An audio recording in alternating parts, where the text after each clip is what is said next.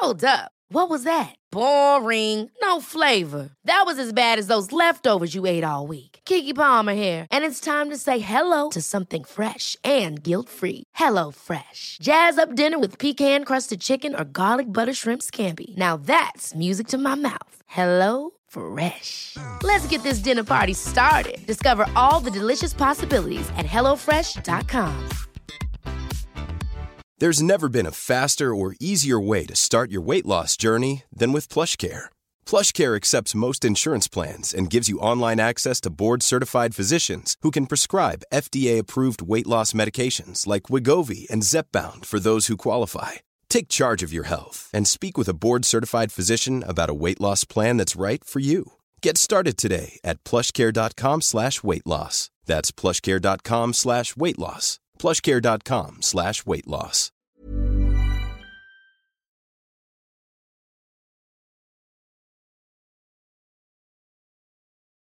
Hej och välkommen ska du vara till Varför i helvete podden med mig Sara Haddad och jag vill bara börja med att säga tack till alla som har delat och stöttat mig under första avsnittet som heter Hjärtesorg. Jag är så tacksam och så glad över all feedback och kärlek jag har fått.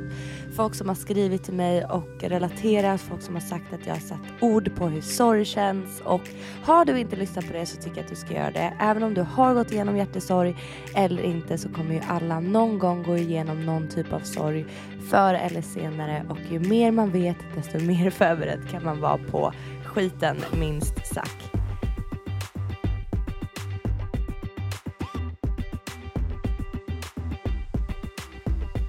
Det var ju ett eh, väldigt extremt personligt avsnitt. Ni fick ju höra mig både skratta, gråta, gå igenom videos. Alltså, ja.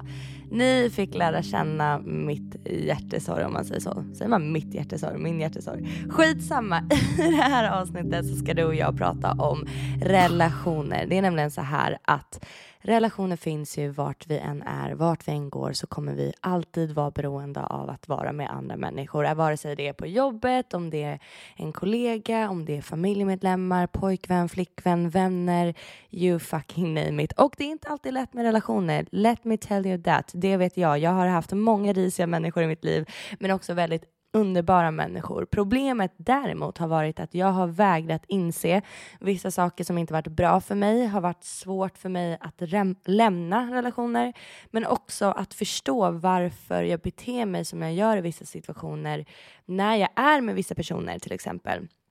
I det här avsnittet så ska vi prata om narcissism. Vi ska prata om hur man ger kritik, hur man får kritik, hur man ska ta emot det. Vi ska prata om gaslighting, vi ska prata om alla psykologiska begrepp som man behöver veta för att klara sig genom livet så bra som möjligt, så lindrigt som möjligt. Och eh, ja, kanske börja sålla ut eh, alla negativa och destruktiva människor som kommer eller kommer komma i ditt liv. I det här avsnittet kommer vi verkligen att gå in på djupet och lära känna de här toxic personerna. Och vad gör man åt det här? Ska man dissa dem? Ska Ska man överlista dem? Ska man konfrontera dem? Ja, lyssna vidare. Vi kommer gå igenom det. Och jag har fått väldigt mycket fakta och info tack vare podden Dumma människor. Så cred till dem. Jag har sammanfattat och eh, researchat och tagit med mig egna erfarenheter in i det här avsnittet för att ge maximal kunskap om hur man lokaliserar toxic people och hur man blir av med dem och varför man ska bli av med dem.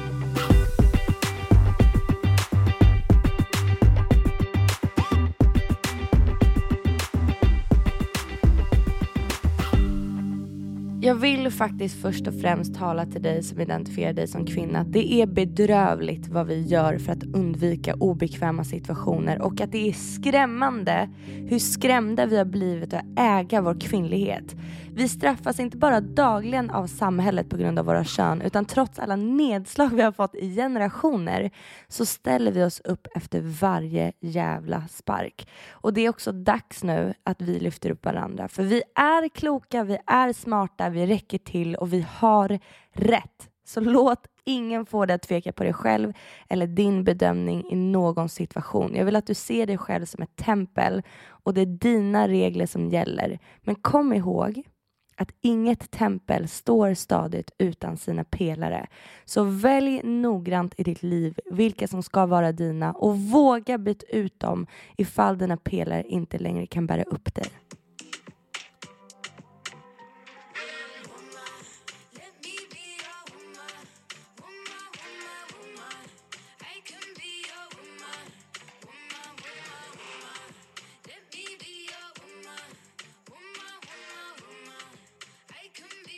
Och på tal om att vi tjejer gör allting för att undvika obekväma situationer så har jag ett exempel som är så här vardagsgrej som bara sker ibland, kanske på kvällarna. Så är ju det här, tjejer, ni kommer kunna relatera till det här, män som pissar offentligt. Alltså varför i helvete står män de, de, de tänker ju så här att om inte jag ser dem så ser inte de mig. Men, men, men, men Mr Bertil 49, du står mitt på gatan och står bara mot en bil, bland hus, bland liksom befolkat område och tror att du har rätt att bara stå och pissa här. alltså, hallå, är någon där inne i hjärnan? Nej, jag tror faktiskt inte det. Men så här, det här hände mig faktiskt häromdagen att jag gick ut ur min port Tog tre steg, kollar åt höger och ser en man stå och pissa bland hus, bland vägar, alltså där man liksom går. Det är mitt på gatan. Det enda är att han står mot en vägg och alla män som står mot en vägg och pissar och inte ser folket bakom sig tänker att folket bakom honom inte ser honom. Manlig logik. Nu sitter säkert någon man här och lyssnar och bara, men fan jag pissar på gatan hela tiden, vad? Jag är pissnödig. Man bara, det finns toaletter, dörr och lås, gå in där. Kallas toalett. Eh, Okej, okay, nu blir jag arg. Hur som, hur som helst, när jag klev ut ur porten i alla fall så såg jag den här mannen stå och pissa, väldigt odiskret och eh, väldigt så här, bekväm. Liksom. Hans håriga stjärt var ute i vädret och jag tänkte ett, fan vad kallt och så tänkte jag två, fan vad obekväm jag blir.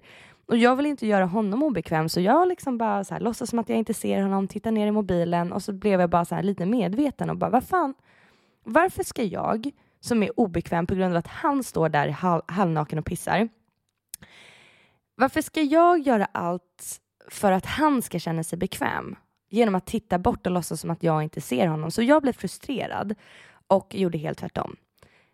Um, så jag började stirra på honom. Jag gick långsamt och vände mig, liksom, inte vände mig om, jag gick mot honom, mot den sidan eh, av gatan som han stod på och eh, tittade på honom. Och tänkte, ja, men där står du och pissar och det ska jag titta på. Um, så jag gjorde det. Och eh, han blev jätteobekväm och sprang in i bilen och tyckte att jag var helt dum i huvudet som inte tittade bort. Jag känner bara så här att det är du som ska vara obekväm, inte jag. Fuck off. Eh, och med det sagt så vill jag bara säga att det här är en liten, liten grej som eh, vi tjejer och många andra, även män, kan göra. Ehm, att det är fel person som blir obekväm. För det är inte jag som ska vara obekväm. Det är inte jag som står och pissar mitt på gatan bland liksom Eh, hus och lägenheter, utan det är ju fan du, så du ska skämmas. Så bara en här liten grej är alla tjejer där ute som ser män pissa, fucking stirra på dem. Okej? Okay? Bra deal. Puss!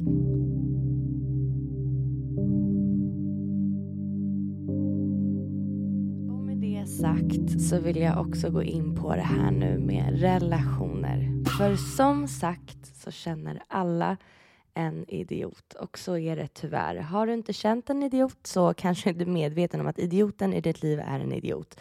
Och jag tänker att vi ska ta reda på det nu tillsammans. För vi alla har haft en dålig vän. Alla har haft en dålig kollega. Alla har blivit manipulerade. Alla har hört en lögn. Alla har känt sig lurade och alla har mött en idiot.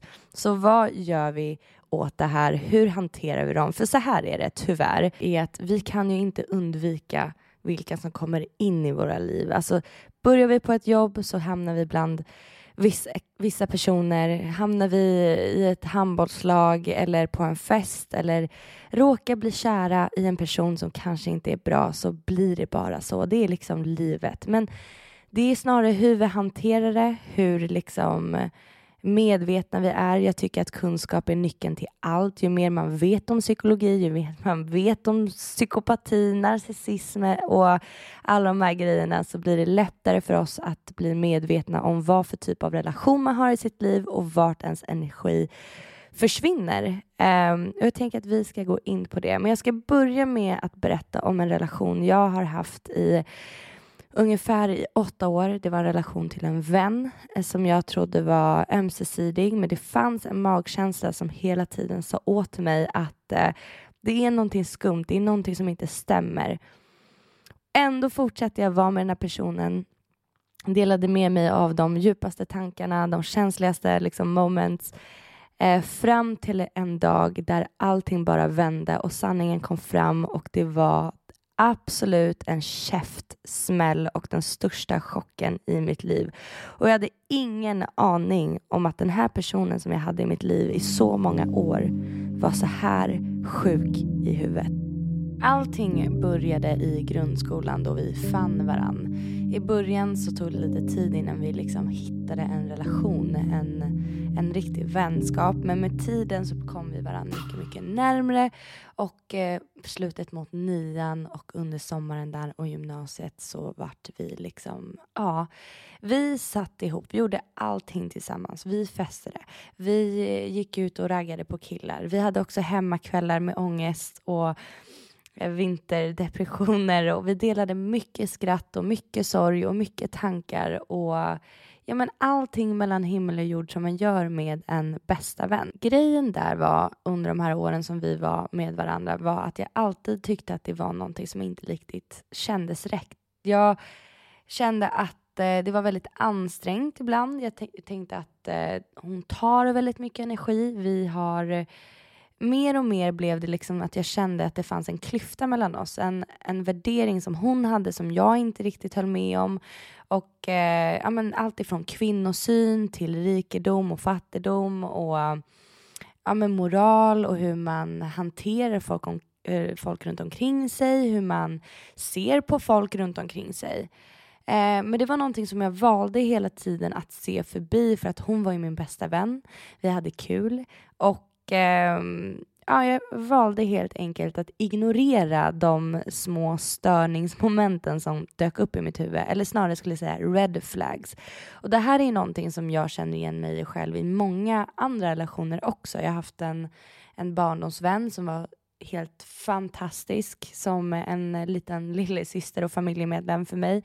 Eh, vi var vänner i, ja, men så långt jag kan minnas i mitt liv. Eh, varav vi har haft en helt underbar relation. Men eh, de sista åren blev destruktiva. Jag kände att jag inte fick vara mig själv. Jag kände att jag inte fick eh, ta plats utan att det fanns en svartsjukan som eh, ehm, straffade mig genom att, eh, ja, men att personen i fråga kanske blev arg om jag tog för mig för mycket för att hon kände sig inte i spotlight. Ja, men ni vet, ni, har, ni kan säkert relatera till det här. Hur som helst, den här gymnasiekompisen då försvann ut ur mitt liv faktiskt. Jag valde att backa ifrån henne för tre år sedan ungefär efter ja, fem, sex års relation. Då jag kände att men jag orkar inte mer. Det är mycket som skaver, hon tar mycket energi. Det är mycket moral och etik och värdering som inte stämmer överens. Vi har kul, vi älskar varandra, vi är bästisar men nej, det går inte längre. Och jag har väldigt svårt att göra slut med vänner, eller vad man säger, att man bara liksom tar tag i det och säger tack och hej. Så det jag gjorde som taktik som jag tycker är väldigt bra att göra om man speciellt ska göra slut med, med vänner är att faktiskt bara låta det dö ut. Um, det jag gjorde med henne var att jag inte tog initiativ till att ses så till slut var det bara eh, en ensidig relation där hon bara hörde av sig. Um, det blev också att jag ställde in många gånger, inte var lika aktiv. Uh, hon var en person som tenderade att ha väldigt mycket problem och måste prata om killar, måste prata om liksom, sig själv och väldigt självupptagen uh, aura skulle jag ändå säga. Um, och vilket för mig blev väldigt dränerande i och med att jag har väldigt lätt att eh, involveras i folks relationer och problem väldigt mycket. Det här är ju någonting som jag tror att många där ute som lyssnar nu känner igen sig, att man blir indragen och man blir så engagerad och man tar all sin energi, även fast man kanske inte har orken själv, eller kanske behöver stödet själv, att man skiter i det och ger bort det hellre för att man vill vara en bra vän, en bra kollega, bra ma äh, mamma, syster, äh, flickvän, pojkvän. Men det jag gjorde då var i alla fall att jag började ta avstånd Um, och det resulterade i att vi då inte var vänner längre. Um, så från att vi hade i många år haft en väldigt fin och nära relation till att min magkänsla kände hela tiden att men det känns inte 100% bra. Det är dränerande. Jag kände också att det fanns väldigt mycket lögner. Jag kände mig paranoid med henne men jag kunde aldrig riktigt sätta finger på vad det var som kändes fel. Jag, det var mycket som hon sa och gjorde som jag kände att det här stämmer nog inte eller det här går inte ihop. Men vi var ju med varandra den dagen så hon kunde inte varit där. Det var väldigt mycket logiska saker som bara inte gick ihop i mitt huvud. Men jag grävde liksom inte i det här utan jag tänkte naiv som man kan vara eller blåögd som man kan vara att nej men hon talar nog sanning. Om man gräver i det blir väldigt obvious att, man, eh, att det nog inte är så. Um, man vill inte heller vara en dålig vän och misstro en person. Man vill inte heller frågesätta för att om man inte har tydliga bevis. Vi säger så här. Om man tror att någon ljuger och så har man inte bevis men det är väldigt mycket små saker som bara inte matchar. Att så här, nej men det kan inte vara rimligt att din mobil var död för jag ringde och det gick ju fram signaler och du hade ju faktiskt kontakt med den här personen under den tiden. Men du vet sådana saker. Så är det ändå väldigt, väldigt svårt att bevisa. Så det är nästan ingen idé att konfrontera eller ta upp det för att det är väldigt lätt för personen i fråga att säga nej, men det, jag hade inte alls batteri på telefonen. Varför tror du att jag ljuger? Tror du på riktigt att jag ljuger? Bara en sån mening som så här, varför skulle jag ljuga för dig? Tror du på riktigt att jag skulle ljuga en sån liten grej? Blir att man frågesätter sin bedömning på 0,3 sekunder och backar och bara, nej men gud förlåt att jag ens tror så här om dig. liksom. Förstår ni vad jag menar? Hur som helst, relationen dog ut och jag levde mitt liv och hon levde sitt liv. Jag hamnade i en relation och det här är så jäkla sjukt för att på två, tre år så hade vi då alltså noll kontakt. Och så kommer jag ihåg att eh, under pausen som jag hade med mitt ex. Ni måste för övrigt, har du inte hört första avsnittet så lyssna på hjärtesorg så får du höra hur skör jag är och var under eh, perioden som jag blev dumpad så kommer man också kunna förstå lite bättre eh, det här avsnittet. Men hur som helst så var det under en paus och jag sov hos mina föräldrar varav jag vaknar på morgonen och hade drömt om henne. Och det här var första gången jag drömde detta, eller drömde om henne överhuvudtaget, att hon ens dök upp i mitt huvud. Jag var vaken i fem minuter och så plingade det på eh, på min dörr tänkte jag säga. det gjorde det inte. Det plingade till på min telefon och jag ser att hon har hört av sig. Och jag, alltså jag blev så chockad. Jag kommer ihåg att jag berättade för min mamma liksom att så här, nej men det här är så absurt. Och hon, hon sa bara, men det är något tecken i så fall att ni kanske ska hitta tillbaka. Och eh, det som hon skrev då var ju att hon ja, men hade saknat mig och ville ses och, och sådär. Och jag tänker, ja men vad fan, varför inte? Det har gått några år, hon kanske har förändrats. Um, och vi, hon har ändå varit min bästa vän och många minnen och gjort väldigt mycket roligt ihop. Så att uh, ja, men andra chans, varför inte? Vi planerade in en dag där vi skulle ses. Eh, det var två, tre veckor framåt, för jag hade väldigt mycket fullt upp eh, under den pausen. Sen lyckades jag och mitt ex göra slut och jag ställde in vår träff, min och min kompis då, eller före detta vän, eh, för att jag, då gick jag igenom en sorg liksom, så jag tänkte att det inte är tid för mig nu, eller det är inte bra timing att, att bygga upp en ny vänskapsrelation med min före detta bästa vän när jag går igenom värsta smärtan i mitt liv. Så att jag sa till henne att jag ses gärna, men jag behöver mer tid. Jag, ehm, jag har precis gjort slut med mitt ex och eh, jag behöver sörja, men jag återkommer liksom, så får vi ses en dag. Eh, vilket vi också gjorde. Så efter flera år så kom hon hem till mig och vi från den dagen eh, och under hela denna sommar så har vi umgåtts väldigt, väldigt, väldigt mycket. Det som vi hade gemensamt var ju också att hon gick igenom samma sorg. Um, de hade varit tillsammans lika länge som jag och mitt ex hade varit. Dock var det väldigt stor skillnad på min och mitt ex relation och varför det tog slut och hennes. Hennes var mycket mer bedrövlig, mycket mörkare. Uh, hon hade gått igenom ett och annat. En person som absolut inte uh, tog hand om henne. Um, var väldigt grov på alla möjliga sätt. Ja, men ni kan nog tänka er. Och och eh, men det var inte vackert så det blev under, under den här sommaren, fast jag gick igenom ett breakup så kände jag att ja, men jag vill finnas där under hennes breakup och det hon hade gått igenom för att det var en otrolig eh, smärta som hon gick igenom och vad hon berättade liksom. Fysiska och psykiska eh, väldigt våldsamma liksom, sammanhang som hon hade varit med om och gått igenom och jag tänkte att eh, självklart är jag här för dig. Så dag in dag ut hängde vi, hon och jag, varje dag under sommaren varav jag eh, ja, men ville finnas där för henne och hon fanns där för mig också eh, men mest tvärtom som det brukade vara eh, förr.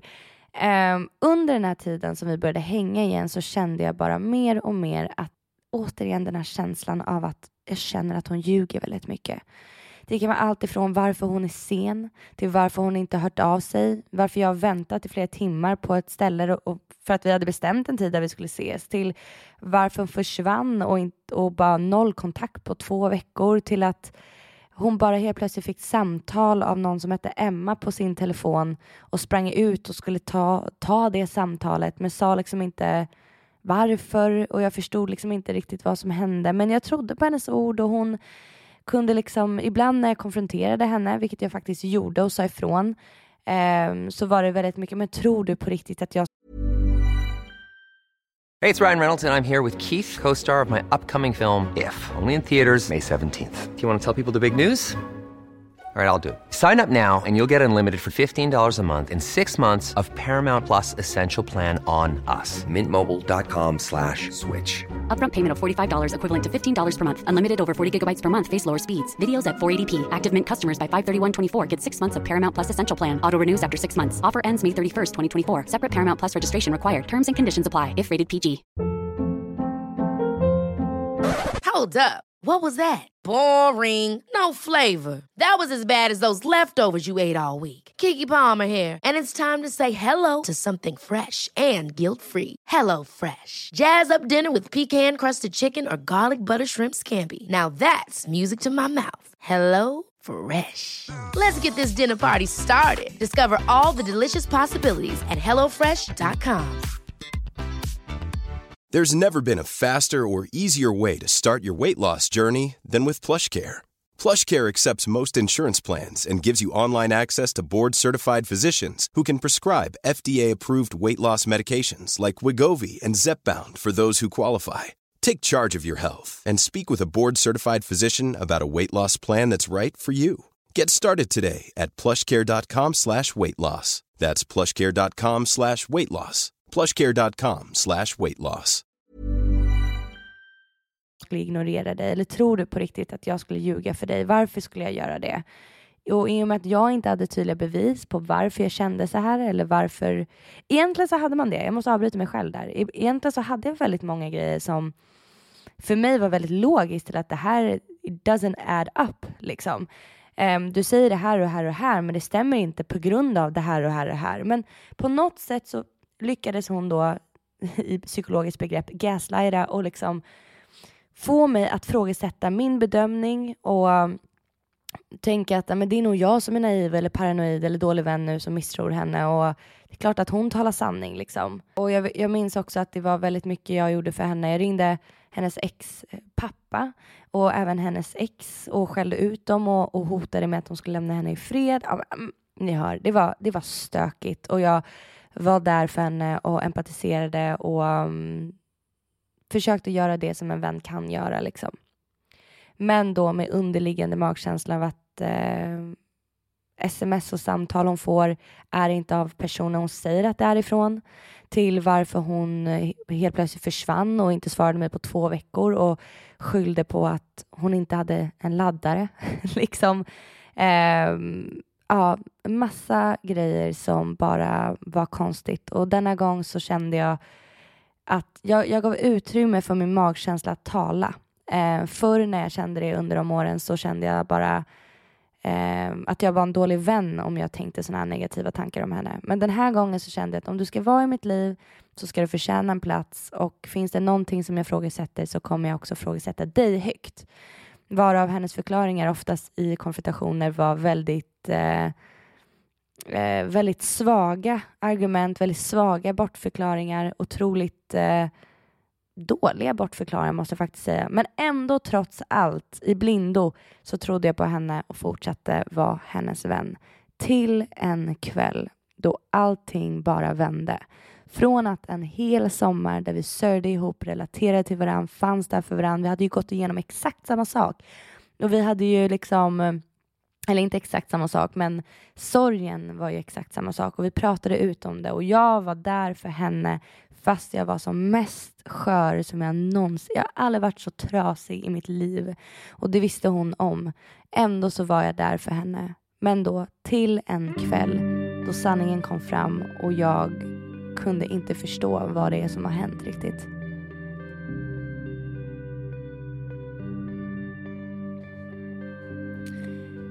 I vanlig ordning, som alla andra sommarkvällar 2021, så var jag och hon ute och festade.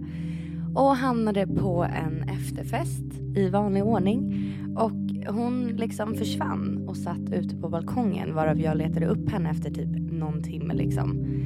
Och eh, lite full som jag är och lite oskön som jag var så tog jag telefonen som hon pratade i eh, ifrån henne bara så här på skoj och bara vem pratar du med? Och så tog jag telefonen och sa hallå? Varav jag hör en manlig röst. Jag frågar vem är det? Och hon säger det är hennes pojkvän. Varav jag såklart svarar eh, nej, du är inte hennes pojkvän. Släpp henne. Det, du är liksom ex. Ni måste inse det här. Ja, för att jag har ju då fått höra att hennes ex vägrar inse att det är slut, att han vägrar lämna henne i fred, att han är väldigt eh, hotfull och hon är rädd för honom och han låter inte henne vara.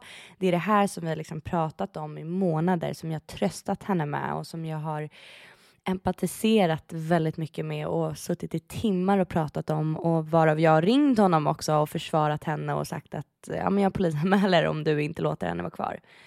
Men jag hör hans röst i alla fall och så, såklart så säger jag liksom så här, men sluta ring henne. Hon har blockat dig överallt och hon vill inte och du måste förstå att det är slut och bla bla bla liksom.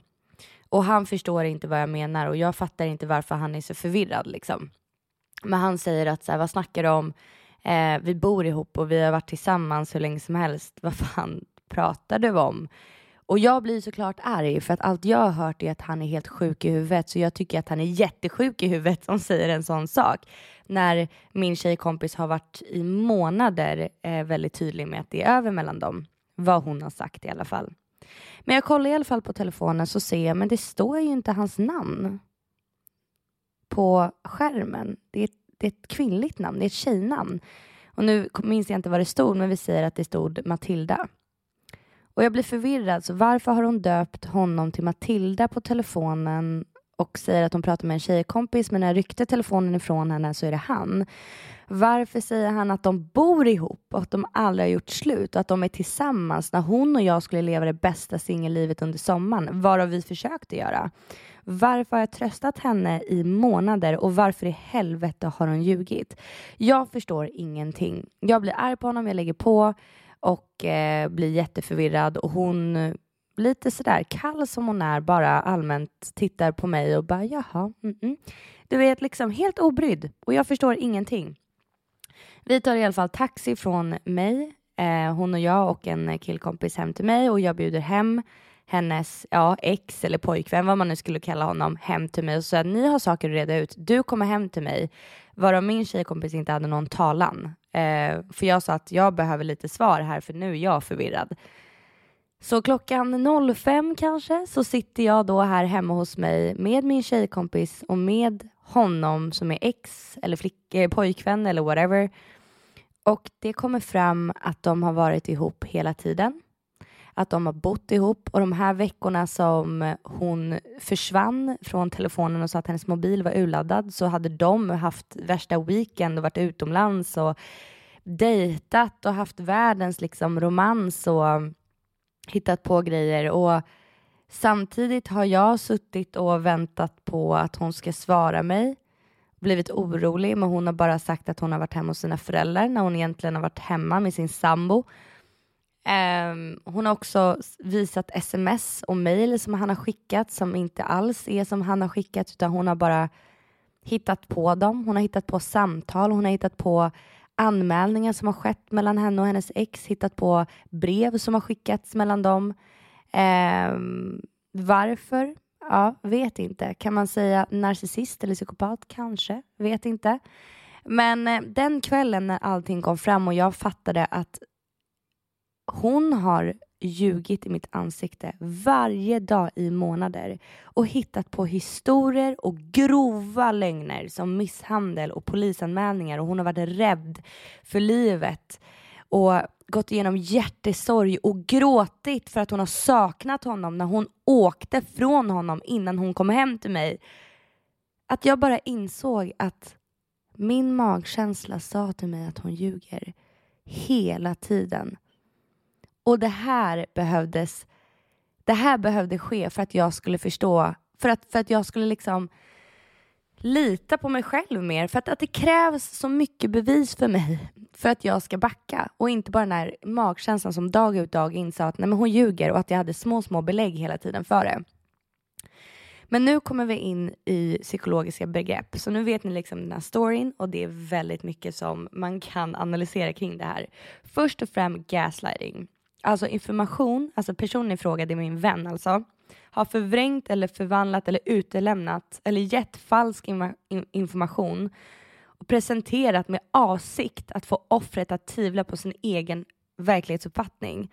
Alltså att när jag har konfronterat henne har jag trott att men varför pratar du med en tjej som heter Emma? Det är ingen tjejkompis. Då har det ju visat sig att hon har ju pratat med honom men bara bytt namn på sin telefon så att jag inte ska fatta att det är han hon pratar med. Varav hon då dumförklarar eller liksom förvirrar mig medvetet och hittar på massa olika ursäkter som inte har någon koppling så att man till slut själv inte fattar vad fan det är jag konfronterar henne om. Man blir helt enkelt förvirrad. Man blir också dumförklarad. Bara en mening som varför skulle jag göra så? Du är min bästa vän. Jag älskar dig. Varför skulle jag ljuga för dig? Blir att man får dåligt samvete och tänker att nej men vänta den här uppfattningen jag fick om henne stämmer nog inte. Så man frågesätter sig liksom sig själv. En person som gaslightar är också en person som liksom ljuger utan att röra en min, vilket när hon vilket så här, hon fortsatte göra, det här var så sjukt. När både hennes ja, kille då och jag var i min lägenhet och allting kom fram, för att han blev ju förvirrad också. Han fattade ju inte varför hon har gått runt och sagt att hon har varit singel, de har gjort slut och ditt och datt liksom. När, när vi stod och konfronterade och var förvirrade och han var helt förstörd och jag var helt chockad så satt hon bara och bara fortsatte ljuga och kollade på honom, men vi är ju inte ihop. Och han, låt mig säga det här, hade bevis, bildbevis, video, sms där allting han sa stämde. Ändå fortsatte hon ljuga rakt upp i mitt och hans ansikte. Som om det fanns ingen skam i hennes kropp. Och det här ser jag som en liten personlighetsstörning, kanske mytomani, jag vet inte. Men jag låter er dra den slutsatsen om ni känner igen er i, i någon relation som ni har med någon. En, en person som kan gaslighta kan också bryta ner en person väldigt, alltså väldigt långsamt under lång tid så att man inte vet riktigt vad man själv är.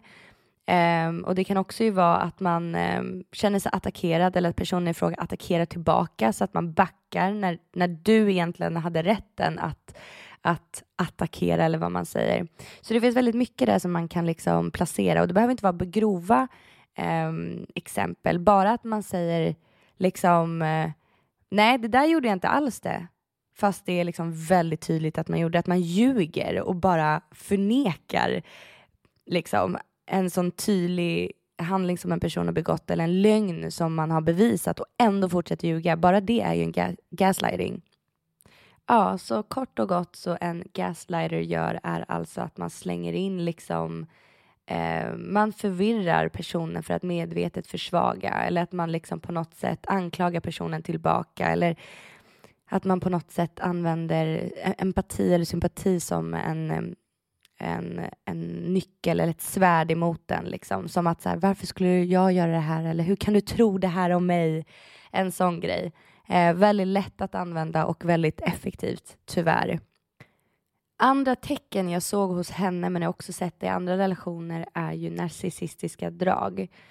Min före detta vän då, som jag såklart aldrig någonsin pratade med igen efter den kvällen, hade väldigt ja, men narcissistiska drag som att hon drömde väldigt mycket om eh, makt och rikedom, ville bli associerad med status, överdrev alltid eh, sig själv och sin liksom eh, kunskap och hade väldigt stort behov av beundran och bekräftelse och ganska orealistisk uppfattning om sina egna rättigheter och om sig själv. Väldigt dålig självinsikt.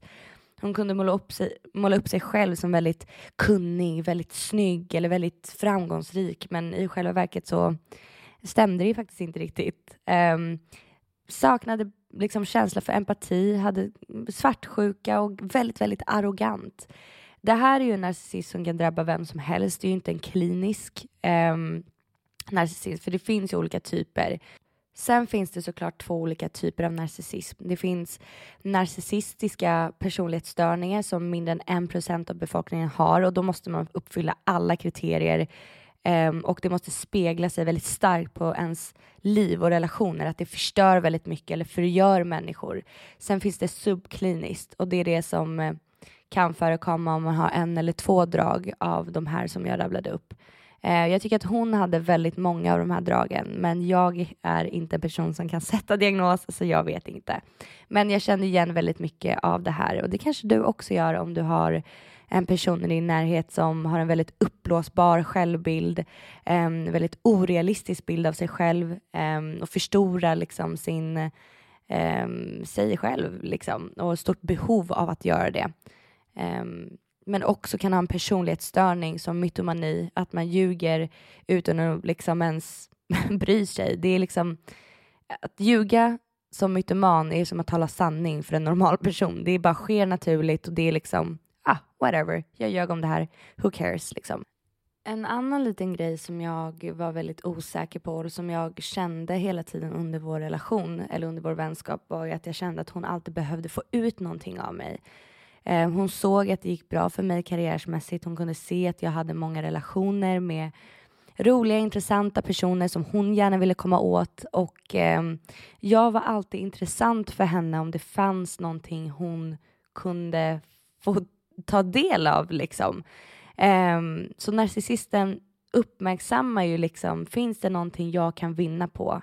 Um, och vill alltid se en vinning i någonting. Det är liksom motivation för den personen. En narcissist skulle aldrig gå och bli bästa vän med en, med en person som varken har pengar, status eller rikedom med andra grejer, liksom.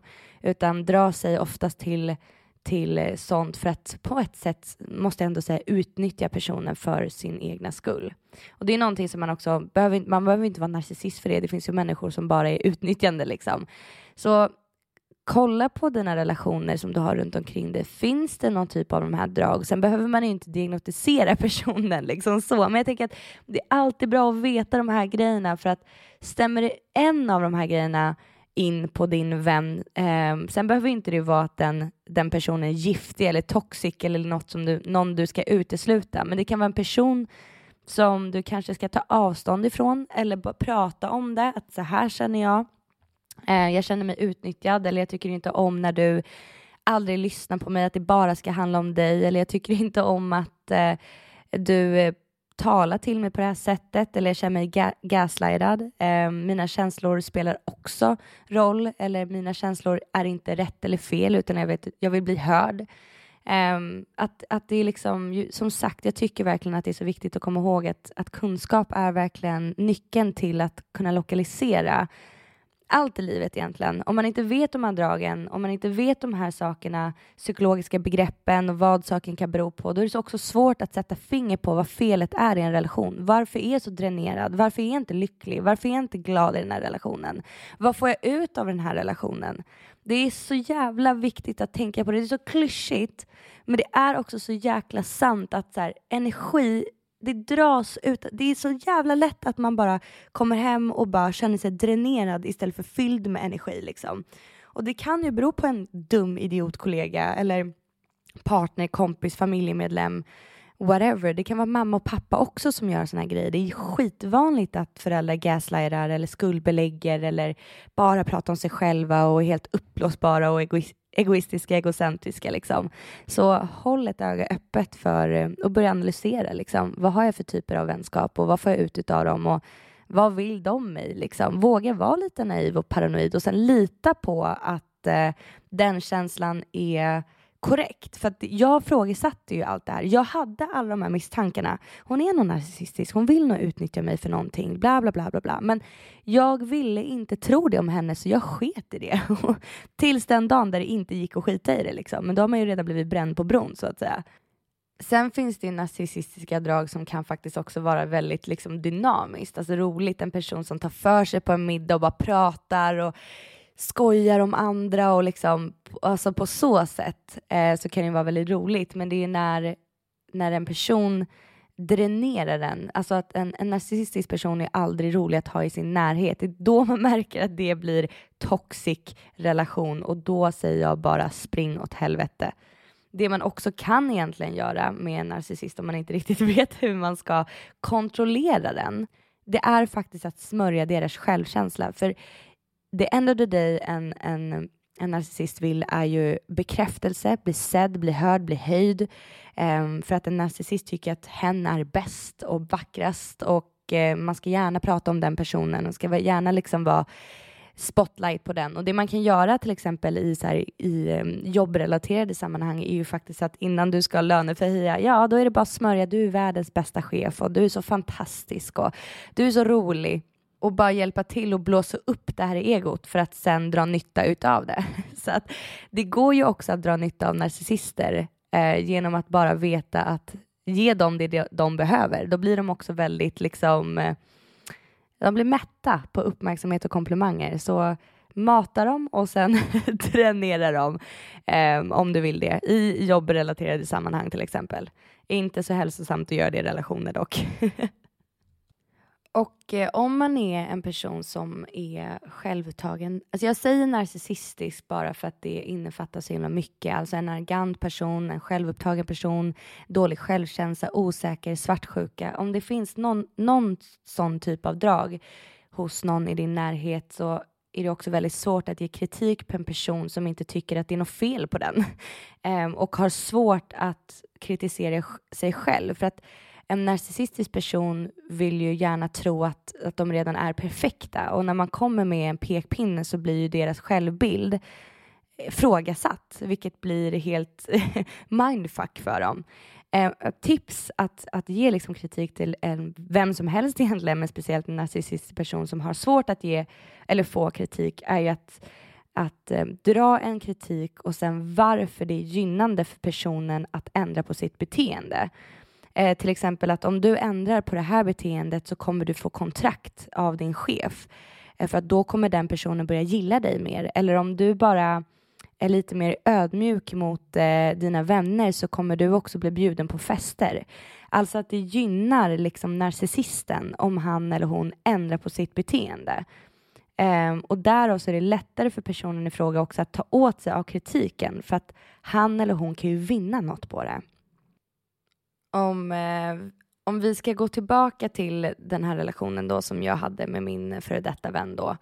Eh, det jag gjorde var ju att jag bojkottade henne helt. Det finns ingen chans på denna jord att jag ens argue with stupid. Och det finns ett eh, psykologiskt begrepp som heter Dunning-Kruger-effekten som handlar om att inkompetenta personer är inte kapabla till att avgöra om de är inkompetenta. Ja, de saknar helt enkelt eh, självkännedom och kan inte bedöma själva hur bra eller dåliga de är på någonting. Det kan vara bra vän, det kan också vara bra, till exempel, ja, men kolla bara på Idol när folk kommer in och liksom tror att de är skitduktiga på att sjunga men låter helt bedrövliga.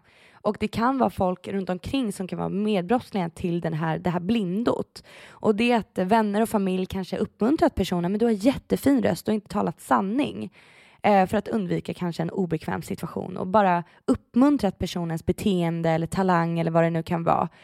Eh, så personen i fråga faktiskt har en skev självbild som inte alls stämmer, stämmer överens med hur egentligen personen är. Liksom. Och det då som Danny Kruger-effekten handlar om är alltså att man på något sätt har en självbild som absolut inte stämmer på grund av att man själv inte vill erkänna att man är dålig, dum, korkad, gjort fel eller är talanglös, gud vad hemskt det låter, eller att folk runt omkring då har pushat och uppmuntrat och inte sagt sanningen då. Och det är därför jag tycker det är så jävla viktigt med tough love med till exempel vänner, att här, ibland så ska man inte säga vad personen vill höra. Ibland ska man säga vad personen behöver höra. Det är en tjänst man gör och jag vet att det är obekvämt. Jag vet att det kan vara jobbigt att göra det, men det är så gynnsamt för alla runt omkring att bara säga säga sanningen. Det kan vara till exempel att tjejkompisar eller killar kommer och bara, men fan han har inte hört av sig på tre veckor. Jag bara skriver och skriver, men det, det är nog för att han har tappat bort sin telefon. Och man bara hör i huvudet bara, nej, alltså han är bara ointresserad. Och så finns det vänner som bara, nej men, eh, nej men det är nog för att han har tappat bort sin telefon. Nej men det är klart han är intresserad. Han skrev ju faktiskt för ett och ett halvt år sedan att han tyckte att ditt lillfinger var fint. Så ja, det är klart. Jo gumman, du är så fin. Han vill så ha dig. Istället för att bara säga, vet du vad? Det är nog en kille som faktiskt inte, inte är intresserad.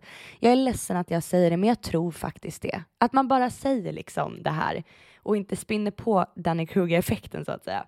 Och när man är i en dålig relation med vem det än är så kan man ju också bli väldigt nedbruten. Eh, och det finns nivåer i helvetet, eller grader i helvetet som man säger. Det kan ju vara liksom att man bara känner att man inte blir sedd, men att eh, det är jättebra annars. Eller att det kan vara att man känner att man blir gaslightad. Man kan också känna sig manipulerad eller utnyttjad. Eller eh, ja, men det kan vara olika saker. Att man, eller bara att det inte är roligt att det inte bara känns bra. kanske inte är något så här sjukt som händer utan bara det är någonting som bara inte känns bra och man kanske börjar få dålig självkänsla eller att som jag har gjort i tidigare relationer, till exempel till mitt ex då, var att jag bad om ursäkt för mig själv hela tiden. Och det är ett beteende som kommer av främst från people pleasers, men också att man vill vara till lag, så att man säger tack för mycket eller att man vill hjälpa till konstant eller att man ber om ursäkt för nästan sin existens liksom och man tar hänsyn hela tiden till att inte vara i vägen och att ens egenskaper ska liksom vara ja, men på något sätt liksom dämpade för att man ska vara balanserad. Och det är någonting, när man ber om ursäkt och säger tack och hela... Förstår ni vad jag menar? Att är man en person som säger tack hela tiden kan ju vara väldigt fint men också väldigt dränerande. Om bara någon håller upp en dörr, oh, tack så mycket, tack så mycket och så ger man en vattenflaska, oh, tack så mycket, tack så mycket och så kanske man står någonstans i något hörn, oh, förlåt, förlåt, förlåt liksom. Det är, det är en person som på något sätt lider av ångest och eh, känner att man är i vägen med bara att existera. Och det kan ju vara antingen att det kommer från barndom, men det kan också vara att man blivit så tack vare relationer eller på grund av relationer. En person som har fått dig att känna dig som börda, en person som har fått dig att känna att du inte får ta plats. Du kanske inte har blivit hörd, du kanske blivit nedtrampad på. Eh, man kan också bli så av människor som försöker bräcka en. Um, till exempel att man är van vid att vara i relationer. Det här har jag haft också med en annan vän. Att när jag var trött så skulle hon alltid vara tröttare. När jag var pigg då skulle hon alltid vara piggare. Om jag fick A i skolan, men hon har fått tio stycken A i eh, i NO, liksom. Att det alltid finns människor som ska hela tiden liksom trampa över en. Och det finns olika sätt att bli det. Antingen så någon som rakt ut är elak bara, men oftast är det sällan någon bara rakt ut elak, utan oftast är det personer som ska liksom, man så, här, så i en gråzon eller liksom så inlindat i smör alltid vara dryg liksom. och att man successivt bara märker att, att jag försvinner eller jag mår inte bra om man börjar till exempel då be om ursäkt för sin existens eller tacka alldeles för mycket eller man kan inte ta emot en komplimang eller att man kan inte ens yttra sig utan att personen, ens vän eller kollega, whatever, ska alltid vara värre, liksom. alltid vara tröttare. Antingen så ska man vara värre för att man vill få personen att känna sig inte ensam om det. Typ, jag har inte gjort läxan, nej men jag har inte heller gjort läxan. Man vill liksom kunna relatera till varandra. Eller så är det personen som faktiskt alltid bara måste ta, vara värre. Och det, det är det här också, att man får ju känna på relationen som man är i. Så här, alla har ju de här dragen, men hur dränerande är de? Det är det som är den stora frågan. Det är det som jag vill att, att du ska tänka på. Liksom att så här, bli bara medveten om hur, hur jobbigt det kan vara.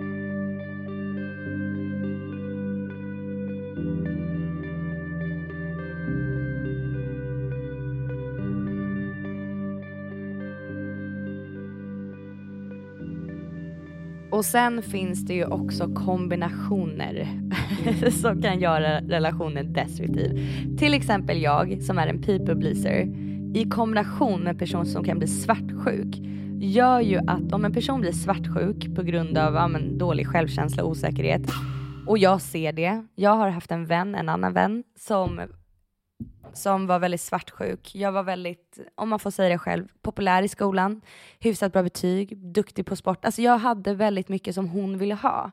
Hon jämförde sig så otroligt mycket med mig och skulle alltid liksom bli svartsjuk eller ogynnsam eh, så fort det gick bra för mig. Eh, vilket gjorde att jag förr eller senare i relationen, eller med tiden, började backa backa från att vara mig själv för att lämna plats åt henne och hennes osäkerhet. Jag tog liksom bort utrymme för mig själv och gav bort det till henne. Och det är någonting som aldrig är okej okay att göra men jag tror att det är sjukt vanligt att göra det. Att bara typ säga så här äh, om någon säger så här, men jag är så ful idag. Nej men det är jag med, jag har varit ful hela veckan, ja du är så mycket snyggare. Bara en sån sak är att dra ner sig själv för att ge utrymme till någon annan. Fatta då att vara med en svartsjuk person som alltid ska kritisera dig eller ge det där onda ögat eller en svart, svartsjuk person som kan bli arg på dig och man förstår inte vad man har gjort för fel men hon är bara dryg nu eller ignorerar eller han är passivt aggressiv och man förstår inte varför. Vad har man gjort för fel? Och man börjar frågasätta sig själv och blir liksom en, en people pleaser som ber om ursäkt fast man inte riktigt vet vad man ber om ursäkt för eller nästa gång inte ta för sig på festen bara för att man ser att personen blir liksom arg på, för att man, arg på dig för att man gör det det var jag med om jättemycket med min före detta bästa vän, att jag kände alltid att jag behövde liksom tona ner mig själv och inte ta uppmärksamhet och vågade inte heller få komplimanger inför henne för att jag kände mig taskig och jag kände typ skyldighet att om jag får en komplimang så ska hon få en komplimang. Och det var ju bara att smörja hennes svartsjuka och avundsjuka. Och egentligen bara för att vara snäll liksom, vilket är jättesorgligt. Men avundsjuka kan ju också grundar sig väldigt mycket. Främst är det osäkerhet och liksom dålig självkänsla. Men det får ju, en person som är avundsjuk har ju en känsla av underlägsenhet eller liksom känner sig och i sin tur då leder till att man behöver tävla. Man blir liksom tävlingsriktad. Det är det som väcks växer i en eller kommer fram hos en avundsjuk person. Oftast blir man också av, mer avundsjuk på en person som är mer lik en. För att ju mer lika man är desto mer konkurrens är det ju. Jag menar det är ju sällan hade jag haft en pojkvän så hade inte jag blivit svartsjuk om han gick och pussade på en annan kille. Men det blir direkt en konkurrens och svartsjuk om han skulle göra det med en tjej. Och vi säger att han attraheras av båda könen så skulle jag ändå känna mig mer hotad av kvinnan. Men det är ju för att hon är mer lik mig och därav blir mer konkurrens liksom. Men i grund och botten av alla de här dragen, personer som ljuger för dig, gaslightar, den här Dunning-Kruger-effekten, att man liksom, eh, på, eh, vad den är, narcissism, whatever, så är det så jäkla viktigt att man inte blundar för de här grejerna.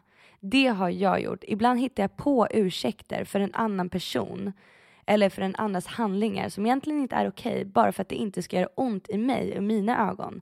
Eller för att jag ska slippa bli frustrerad eller slippa konfrontera eller ta tag i de här problemen och göra något åt saken. Ibland är det lättare att lida än att göra slut med en vän eller fejda ut från föräldrar. Det är skittufft att göra det, speciellt av en person som man faktiskt vill älska men som man känner att det går nästan inte.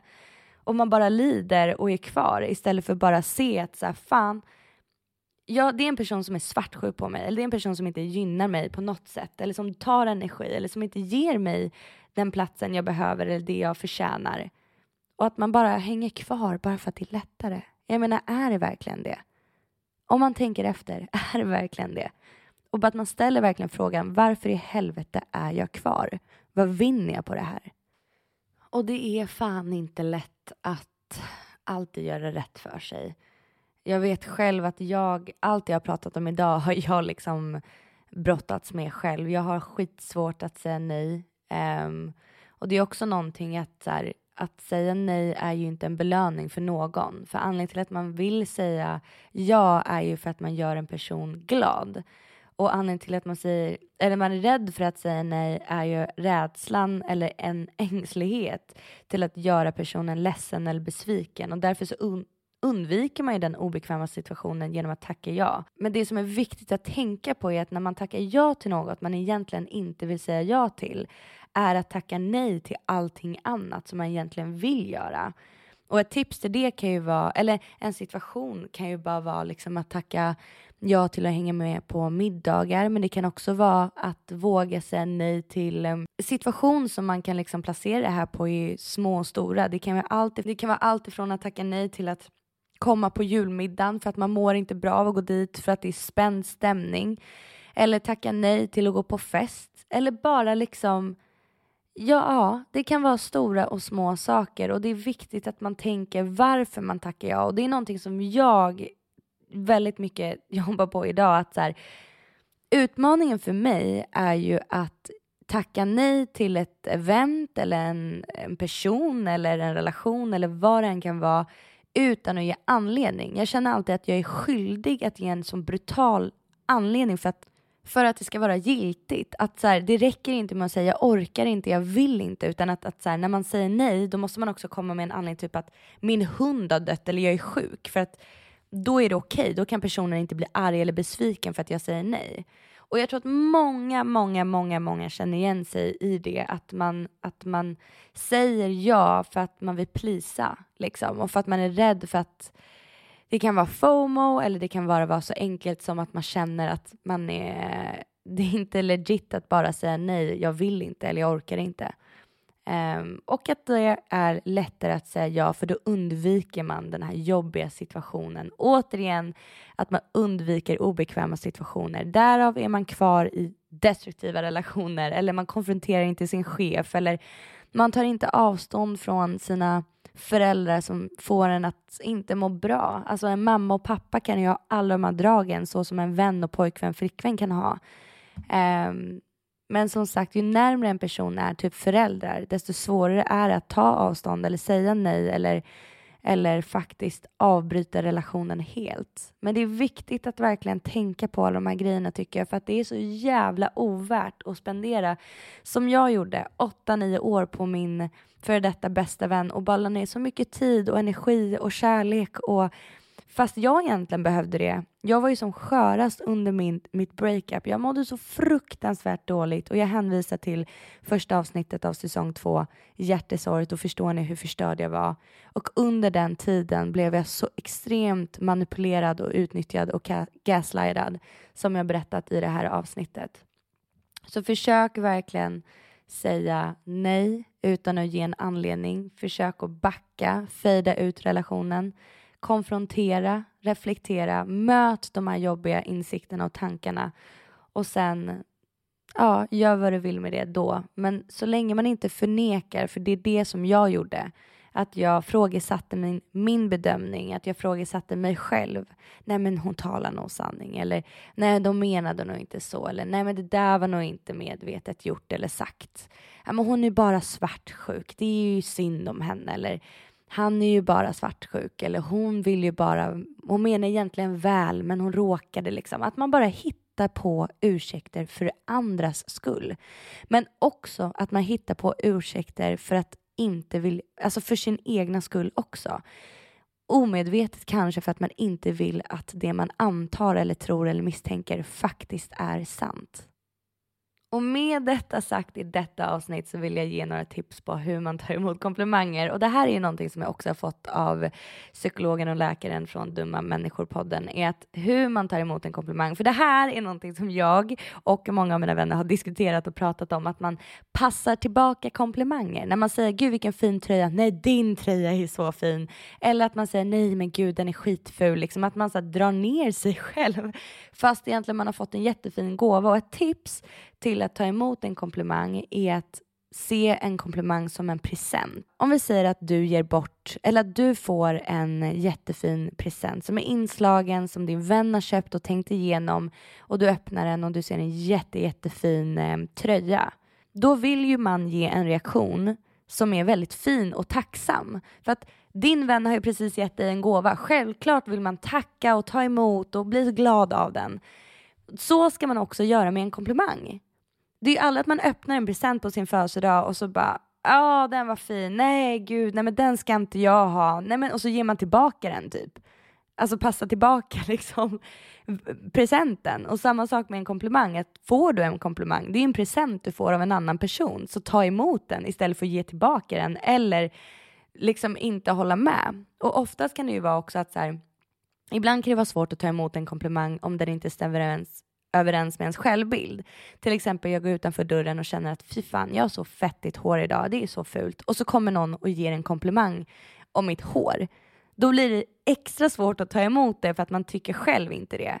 Men återigen, där får man jobba på att så här, men det är en gåva jag har fått, den ska jag ta emot, tack så hemskt mycket och bara infinna sig i det. så svårt kan det faktiskt inte vara. Eller jo, tydligen så är det ju skitsvårt, men det kan ju också vara en transaktionell syn på uppskattning. Typ jag igen, alltså fan vad jag känner igen mig i det här, att man känner att man är skyldig att ge tillbaka. När man får någonting materiellt eller om det är verbalt så känner man alltid att ah, men jag måste ge tillbaka, hur kan jag ge tillbaka? Och så är så jag, ger du mig en pizza då vill jag ge dig sju stycken tillbaka för att jag känner att jag blir skyldig dig någonting. Och där är så obehaglig, jobbig panikkänsla för då kan man aldrig riktigt så slappna av bara och ta emot och bli glad. Utan istället så börjar det trigga liksom att nej men gud nu måste jag ge tillbaka. Så damer och herrar som lyssnar, ta emot allt fint ni kan få och eh, kasta ut allt fult som ni får snarare. Så som man kastar tillbaka en komplimang. Det ska man ju egentligen göra med skit man får. Allt som är dränerande, allt som är elakt, allt som är taskigt, manipulativt eller bara toxic. Ut, kasta tillbaka det istället. Eh, och inte det fina du får. Det ska man, man förtjänar verkligen komplimanger. Man förtjänar verkligen att få tjänster. Man förtjänar verkligen kärlek.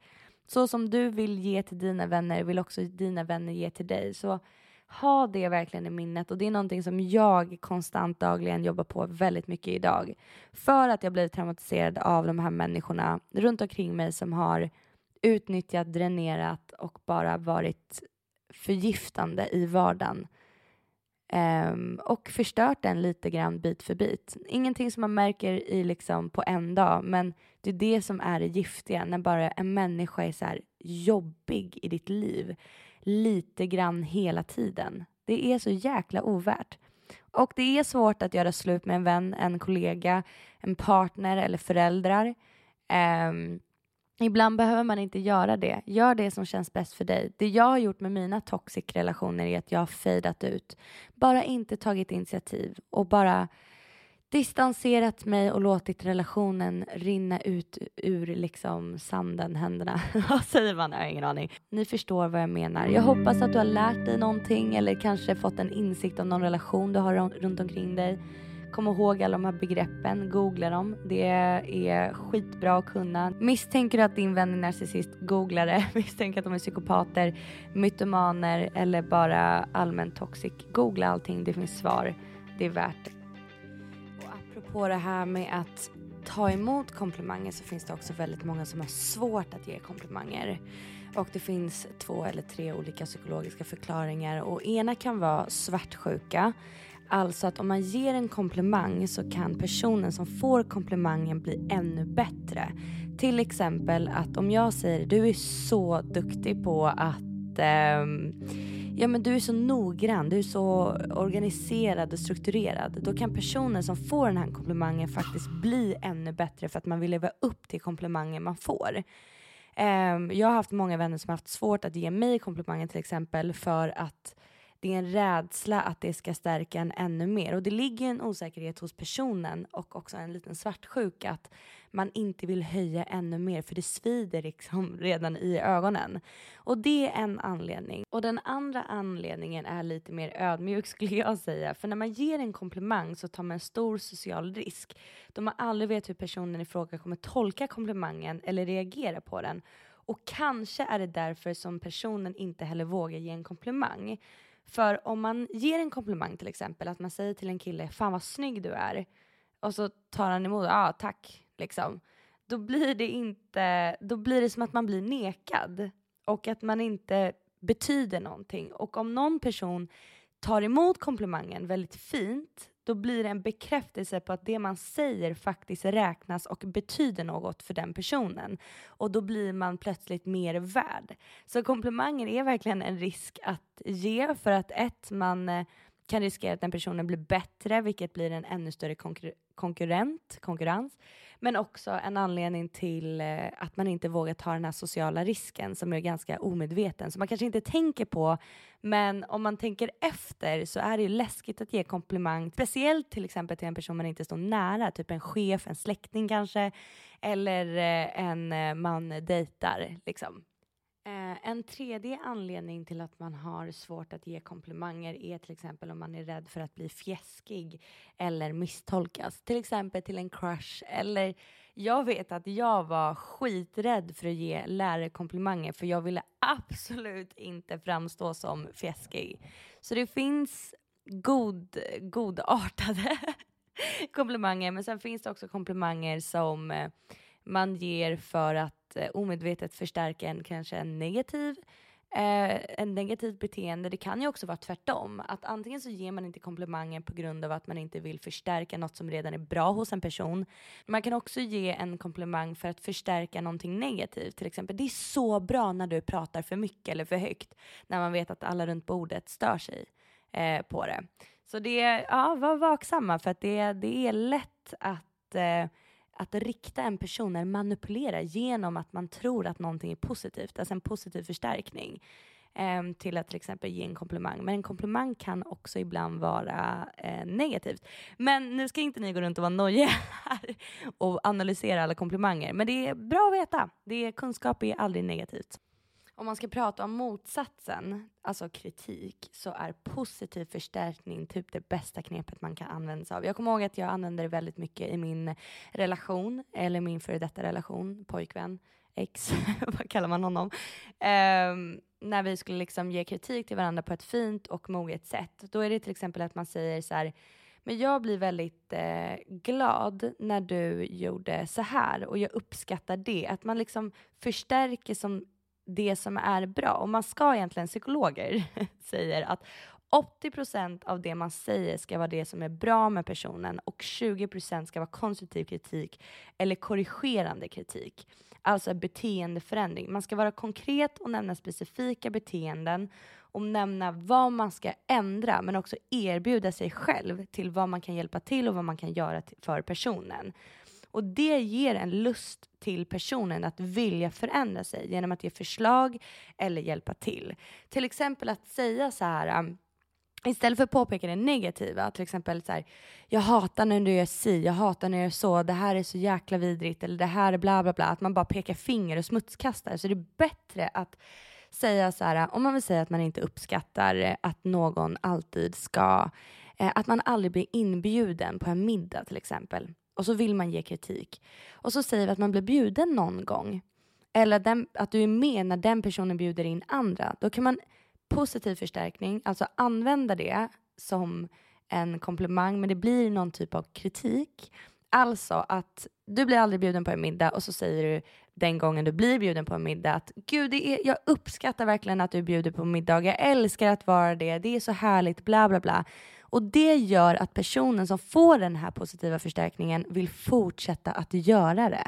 Det vill säga att den här personen kommer ju, den vill ju ha den här bekräftelsen och leva upp till den här egentligen kritiken, men som är en komplimang ehm, och fortsätta göra det. Så beteendeförändring kan faktiskt komma utav att man ger använder sig av positiv förstärkning. Alltså 80% uppmärksammar det som är bra och 20% konstruktiv kritik. Tips, tips, tips till alla där ute. Innan jag avslutar så tänker jag att jag bara vill sammanfatta alla de här begreppen jag gått igenom för att ni ska ha det färskt i minnet.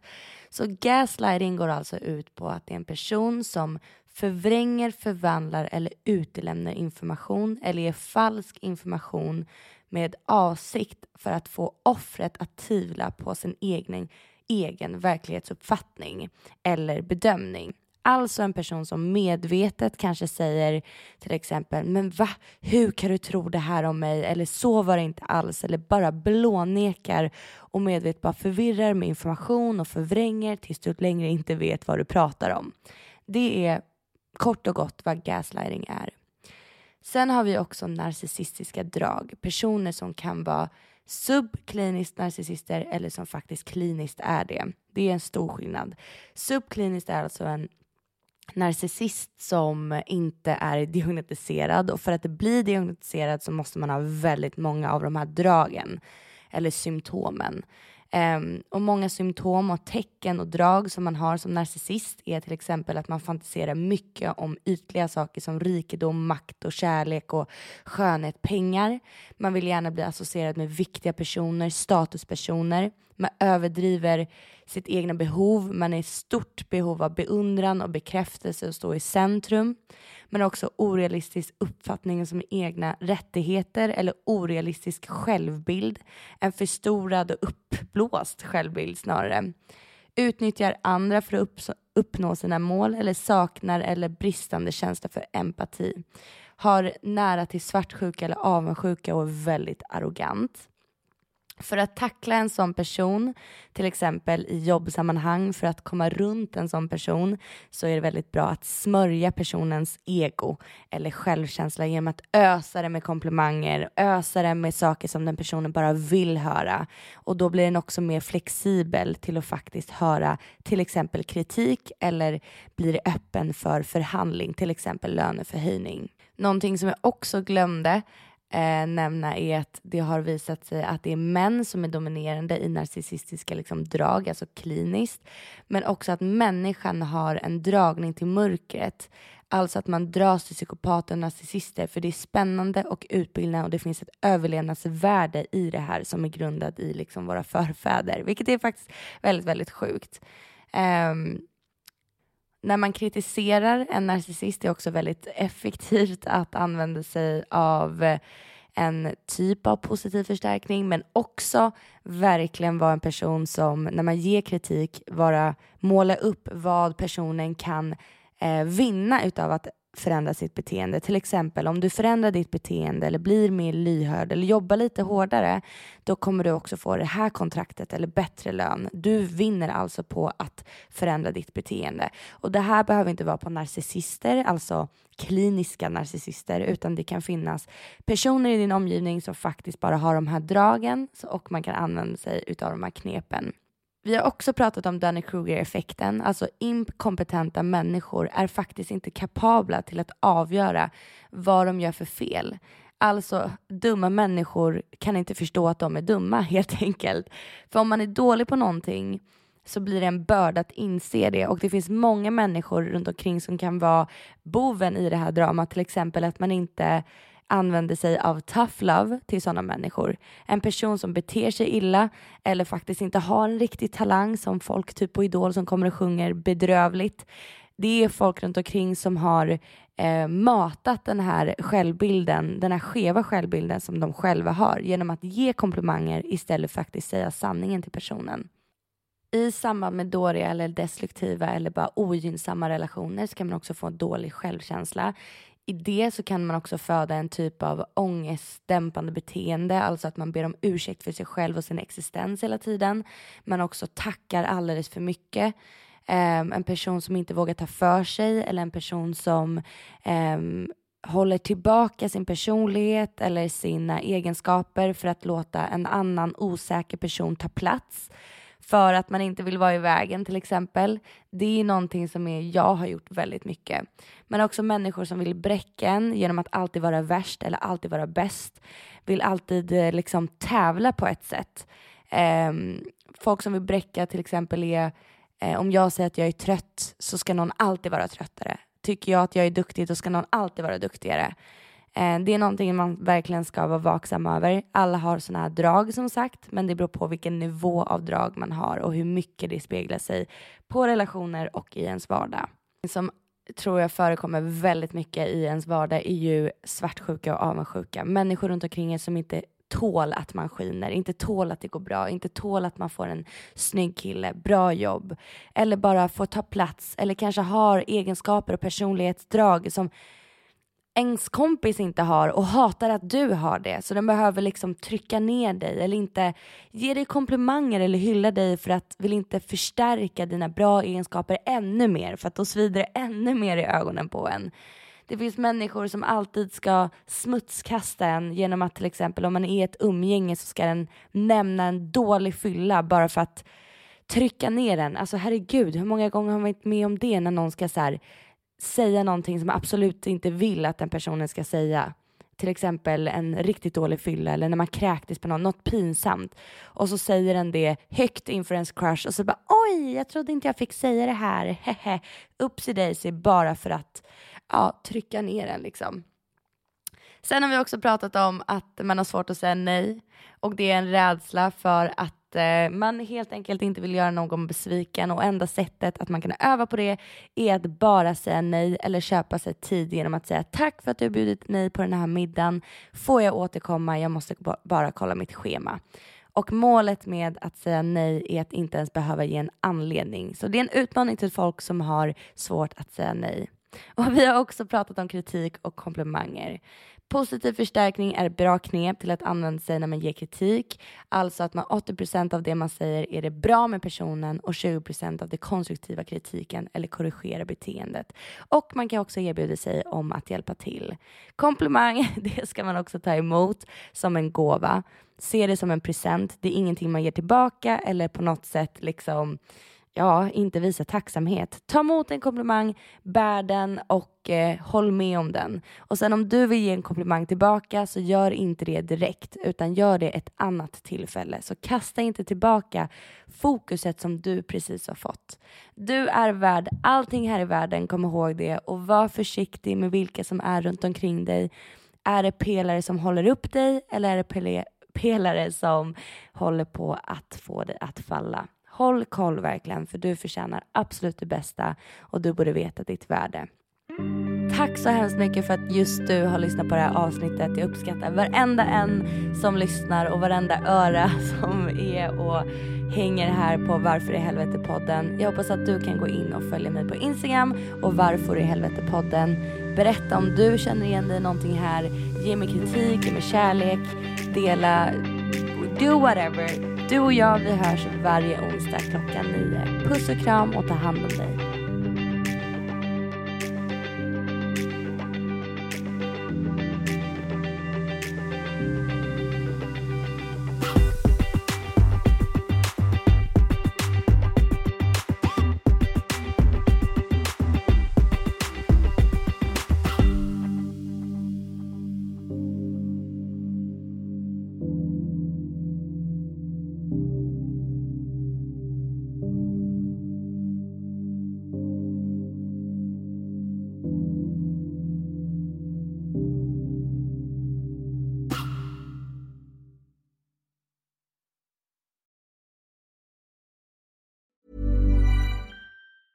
Okay, I have two new obsessions that I need to share with you. Impress No Glue Press On Manis and Impress Press On Falsies Lashes. Trust me, these are getting ready game changers. Both require no glue, so there is no damage to your natural nails and lashes, no mess, and no annoying dry times. Just one step and you're done. Boom instant glam. Visit impressbeauty.com slash presson and use code PRESSON25 at checkout for 25% off Impress Manicure and Press-On Falsies. Hold up. What was that? Boring. No flavor. That was as bad as those leftovers you ate all week. Kiki Palmer here, and it's time to say hello to something fresh and guilt-free. Hello Fresh. Jazz up dinner with pecan-crusted chicken or garlic butter shrimp scampi. Now that's music to my mouth. Hello Fresh. Let's get this dinner party started. Discover all the delicious possibilities at hellofresh.com.